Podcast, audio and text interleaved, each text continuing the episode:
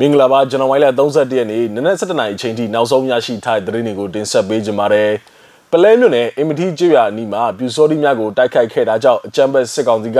ရိုင်းရင်အုံပြုပြီးတော့ပြန်လည်တိုက်ခိုက်ခဲ့တယ်လို့သိရပါတယ်။ AR တိုင်းဒေသကြီးအတွင်းမှာ Silent Strike ပြုလုပ်ရန်လူမှုကွန်ရက်ပေါ်စာမျက်နှာပေါ်မှာတင်ခဲ့တာကိုအကြောင်းပြပြီးတော့ပြည်သူလေးဦးကအမှုဖွင့်ဖမ်းဆီးခြင်းခံခဲ့ရတယ်လို့သိရပါတယ်။စတဲ့သတင်းအကြောင်းအရာတွေကိုသတင်းတောက်ကျွန်တော်ထွန်းထွန်းဝင်းကတင်ဆက်ပေးကြပါမယ်။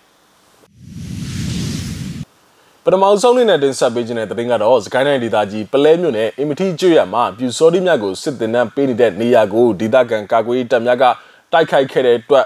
စစ်တပ်ကဇန်နဝါရီလ29ရက်နေ့ညပိုင်းချိန်ကရဟရင်နှစင်းပြစ်လာရောက်ပစ်ခတ်တိုက်ခိုက်မှုတွေပြုလုပ်ခဲ့တယ်လို့ဒေသခံပျောက်ကြားတပ်ဖွဲ့တွေထံကနေပြီးတော့သိရပါတယ်။အကြမ်းဖက်စစ်ကောင်စီတပ်များကအင်မတီကျွရမှာတပ်ဆွဲထားပြီးတော့ပြူစောတိမြတ်ကိုစစ်တင်နှံပေးနေတာကိုသတင်းရတာကြောင့်ဇန်နဝါရီလ30ရက်နေ့ညနေ4:00နာရီခွဲခန့်အချိန်ကစတင်ပြီးတော့ ဒေသခံကာကွယ်ရေးတပ်များကလက်နက်ကြီးလက်နက်ငယ်များဖြင့်စတင်ပစ်ခတ်တိုက်ခိုက်ခဲ့ခြင်းဖြစ်တယ်လို့ဆိုပါတယ်။သူတို့အင်အားနေတဲ့ဆိုတာဒေသခံတွေကသတင်းပေးလို့ကြေးရထဲကိုဝင်တိုက်တာပါလို့ပလဲပကဖပြည်သူ့ကာကွယ်ရေးတပ်ဖွဲ့တာဝန်ရှိသူတို့ကမြစည်းမသတင်းဌာနကိုပြောဆိုပါတယ်။ရင်းကတို့ဝင်းအောင်တိုက်ခတ်ခဲ့ပြီးတော့နှစ်နာရီကြာမှအပြန်အလှန်ပစ်ခတ်မှုတွေဖြစ်ပွားခဲ့ပြီးတော့ဂျမတ်စစ်ကောင်စီတပ်များနဲ့ပြူစော်ရီဆိုသူများကအင်မတီကျေးရမှာရှိတဲ့နေများကိုမိရှို့ပြီးတော့ကိုလိုယုံထွက်ပြေးခဲ့ကြောင်းကိုလည်း၎င်းကပြောဆိုပါတယ်။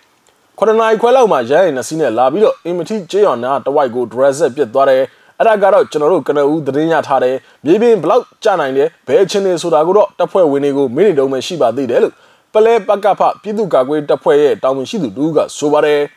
အင်မတီကျေးရွာမှာလွန်ခဲ့တဲ့နှစ်ပတ်ကလည်းအကြမ်းဖက်စစ်ကောင်စီတပ်ဖွဲ့ဝင်အင်အားအယောက်40ခန့်ကဝင်ရောက်တပ်ဆွဲထားခြင်းဖြစ်ပြီးတော့ ဇန်နဝါရီလ30ရက်နေ့ညနေပိုင်းချိန်ကရဟရင်ဖြစ်လာရောက်ပစ်ခတ်မှုတွေကြောင့်အင်မတီကျွေးရနီးမှာရှိတဲ့ကျွေးရများမှာလည်းညာတိုင်းချင်းမြဲစစ်ပေးရှောင်နေရအကြောင်းကိုလည်း၎င်းကဆိုပါတယ်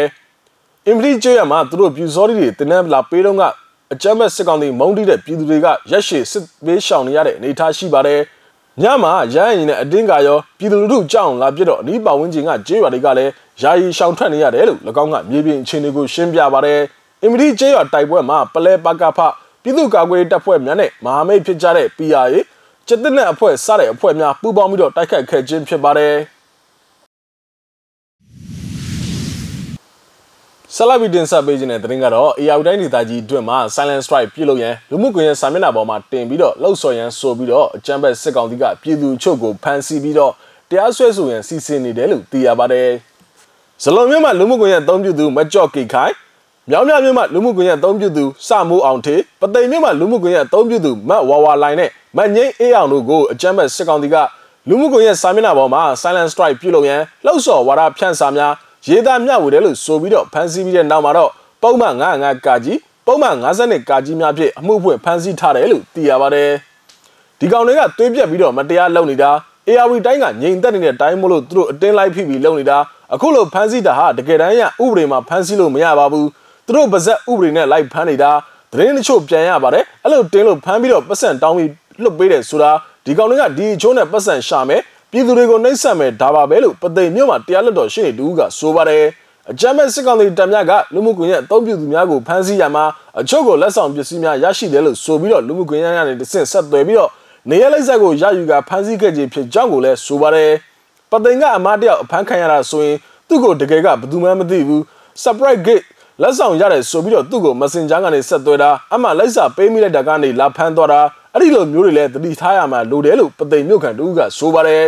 AR တိုင်းဒေသကြီးအတွင်းမှာ Silent Strike တပိတ်ပြစ်လို့ရန်လောက်ဆော်သူများနဲ့ Silent Strike နေ့မှာဈေးဆိုင်မဖွင့်သူများကိုအကြမ်းဖက်ဥပဒေများနဲ့အရေးယူမဲ့အပြင်နေဆိုင်ကမ်းများကိုပါပိတ်သိမ်းသွားမယ်လို့လည်းအကြမ်းဖက်စစ်ကောင်စီကလိုက်လံကြေညာချင်းချောက်ထားပါတယ်အဲ့ဒါအပြင်တိုင်းဒေသကြီးအတွင်းမှာရှိတဲ့စီပင်သားရေးအဖွဲ့ရဲ့ညွှန်ကြားရေးမှူးကလည်း Silent Strike တပိတ်နေ့မှာဈေးဆိုင်မဖွင့်တဲ့စီပင်သားရေးအဖွဲ့ပိုင်ဈေးကြီးများမှာရှိတဲ့ဈေးဆိုင်များကိုလိုက်လံမှတ်သားပြီးတော့ဆိုင်ကမ်းများပြန်လည်သိမ်းယူရန်ညွှန်ကြားထားတယ်လို့ဆိုပါတယ်နောက်ထပ်တင်ဆက်ပေးခြင်းတဲ့တင်ကတော့ကြောက်စဲမြို့ချင်းမြန်တရင်အနီးမှာရှိတဲ့စစ်စေးဂိတ်ကမိုင်းဖောက်ခွဲတိုက်ခိုက်ခြင်းခံခဲ့ရတယ်လို့သိရပါတယ်။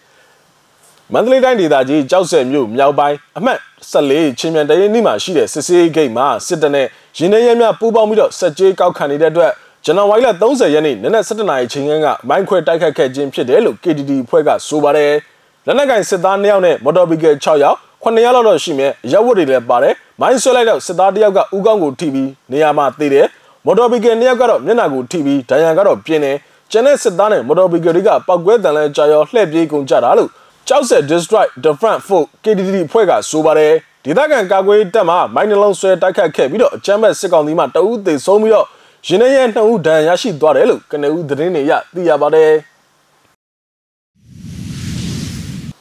နောက်ဆုံးနေ့နဲ့တင်ဆက်ပေးခြင်းတဲ့သတင်းကတော့ဖလန်းမြို့နယ်အတွင်တိုက်ပွဲတွေကြောင့်ဒေသခံများကအိန္ဒိယနိုင်ငံဘက်သို့ထွက်ပြေးခိုလုံနေရတယ်လို့သိရပါတယ်။အိန္ဒိယမြန်မာနယ်စပ်မှာတည်ရှိတဲ့ချင်းပြည်နယ်ဖလန်းမြို့နယ်အတွင်းမှာအကြမ်းဖက်စစ်ကောင်စီတပ်နဲ့ဒေသခံကာကွယ်တပ်ဖွဲ့တို့ကြားမှာတိုက်ပွဲတွေကြောင့် ဒေသခံအများပြားဟာအိန္ဒိယနိုင်ငံမီဇိုရမ်ပြည်နယ်သို့ထွက်ပြေးခိုလုံနေရတယ်လို့သိရပါတယ်။ရီခေါ်ရာမြို့ခြေဆိုင်ခလာရ268မှာအကြမ်းဖက်စစ်ကောင်စီတပ်ဖွဲ့ဝင်အယောက်30ကျော်ဟာဇန်နဝါရီလ29ရက်နေ့နေ့လယ်2နာရီချိန်ကကာကွယ်တပ်ဖွဲ့စခန်းကိုချီကပ်ခဲ့ရမှာရီခေါ်ဒရာနဲ့ဟိုင်မွန်ကျေးရွာအကြားမှာတိုက်ပွဲတွေဖြစ်ပွားခဲ့ပြီးတော့မိနစ်30ခန့်အကြာမှာပြန်လည်ဆုတ်ခွာသွားတာကြောင့်နှစ်ဖက်ထိခိုက်ကြဆုံးမှုမရှိခဲ့ကြောင်းကိုလည်းသိရပါတယ်ကျွန်တော်တို့ဘက်ကစစ်ခွေးအကြမ်းမဲ့စစ်ကောင်စီတပ်တွေချီကပ်လာတာကို သိတဲ့အတွက်စောက်ကြိုရင်ထိတွေ့မှုဖြစ်ခဲ့တာပါလို့တိုက်ပွဲများနဲ့ပတ်သက်ပြီးတော့ချင်းကာကွယ်တပ်ဖွဲ့ဝမ်ငိုရန် CDF ဝမ်ငိုရဲမှတာဝန်ရှိသူလူကဆိုပါတယ်အဆိုပါတိုက်ပွဲကြောင့်နေဆက်မြေပြင်မှာရှိတဲ့ခွန်ဝိုင်းရွာနေပြည်သူ2000ခန့်ဟာအိန္ဒိယနိုင်ငံမီဇိုရမ်ပြည်နယ်ဇိုခွာထရာရွာသို့ထွက်ပြေးခဲ့ရကြောင်းကိုလည်းဒေသခံတို့ကဆိုပါတယ်တနက်ပြစ်ခတ်တံများကြားပြီးတဲ့နောက်မှာတော့ပြေးကြပြေးကြပြေးနိုင်တဲ့သူတွေမြန်မြန်ပြေးကြပါလို့ဆိုင်ကနေလိုက်လံအော်ဟစ်နေတဲ့အတွက်ကြောက်လန့်ပြီးထွက်ပြေးခဲ့ခြင်းဖြစ်ကြောင်းနဲ့ င်းတို့ကိုမိတ်ဆွေအိမ်များနဲ့စာတင်ကျောင်းများမှာနေရာချထားပေးကြောင်းကိုလည်းဆိုပါတယ်။လက်ရှိချိန်မှာတော့တိုက်ပွဲတွေဆက်ဖြစ်မဲ့အခြေအနေများရှိနေတာကြောင့်ဇန်နဝါရီလ30ရက်နေ့မှာနယ်စပ်မှာရှိတဲ့ကျေးရွာနေပြည်သူများအနေဖြင့်အပြစ်မထွက်ရကန့်သတ်ချက်ထုတ်ပြန်ထားကြောင်းကိုလည်းအဆိုပါဒေသခံကထပ်လောင်းပြောဆိုပါတယ်ဟုတ်ကဲ့ပါဇန်နဝါရီလ31ရက်နေ့နနက်7:00နာရီချိန်ထိနောက်ဆုံးရရှိထားတဲ့သတင်းတွေကိုကျွန်တော်တို့မျိုးစီမှာဝိုင်းတော်သားများကနေပြီးတော့တင်ဆက်ပေးခဲ့တာပါ မြန်မာပြည်နဲ့မှာနေထိုင်တဲ့မိဘပြည်သူတွေအကုန်လုံးဘေးရန်နဲ့ကင်းရှင်းကြပါစေလို့ဆုမကောင်းတောင်းအပ်ပါတယ်လက်ရှိအချိန်မှာဖြစ်ပွားနေတဲ့ COVID-19 ကရောဂါနဲ့ပတ်သက်ပြီးအထူးကူးစိုက်ကြဖို့ကိုကျွန်တော်တို့မျိုးစီမှာဝိုင်းတော်သားများကတိုက်တွန်းလို့ဆိုကြပါတယ်နောက်ထပ်ရရှိလာမယ့်သတင်းတွေအတူတူကျွန်တော်တို့ပြန်လာခဲ့ပါမယ်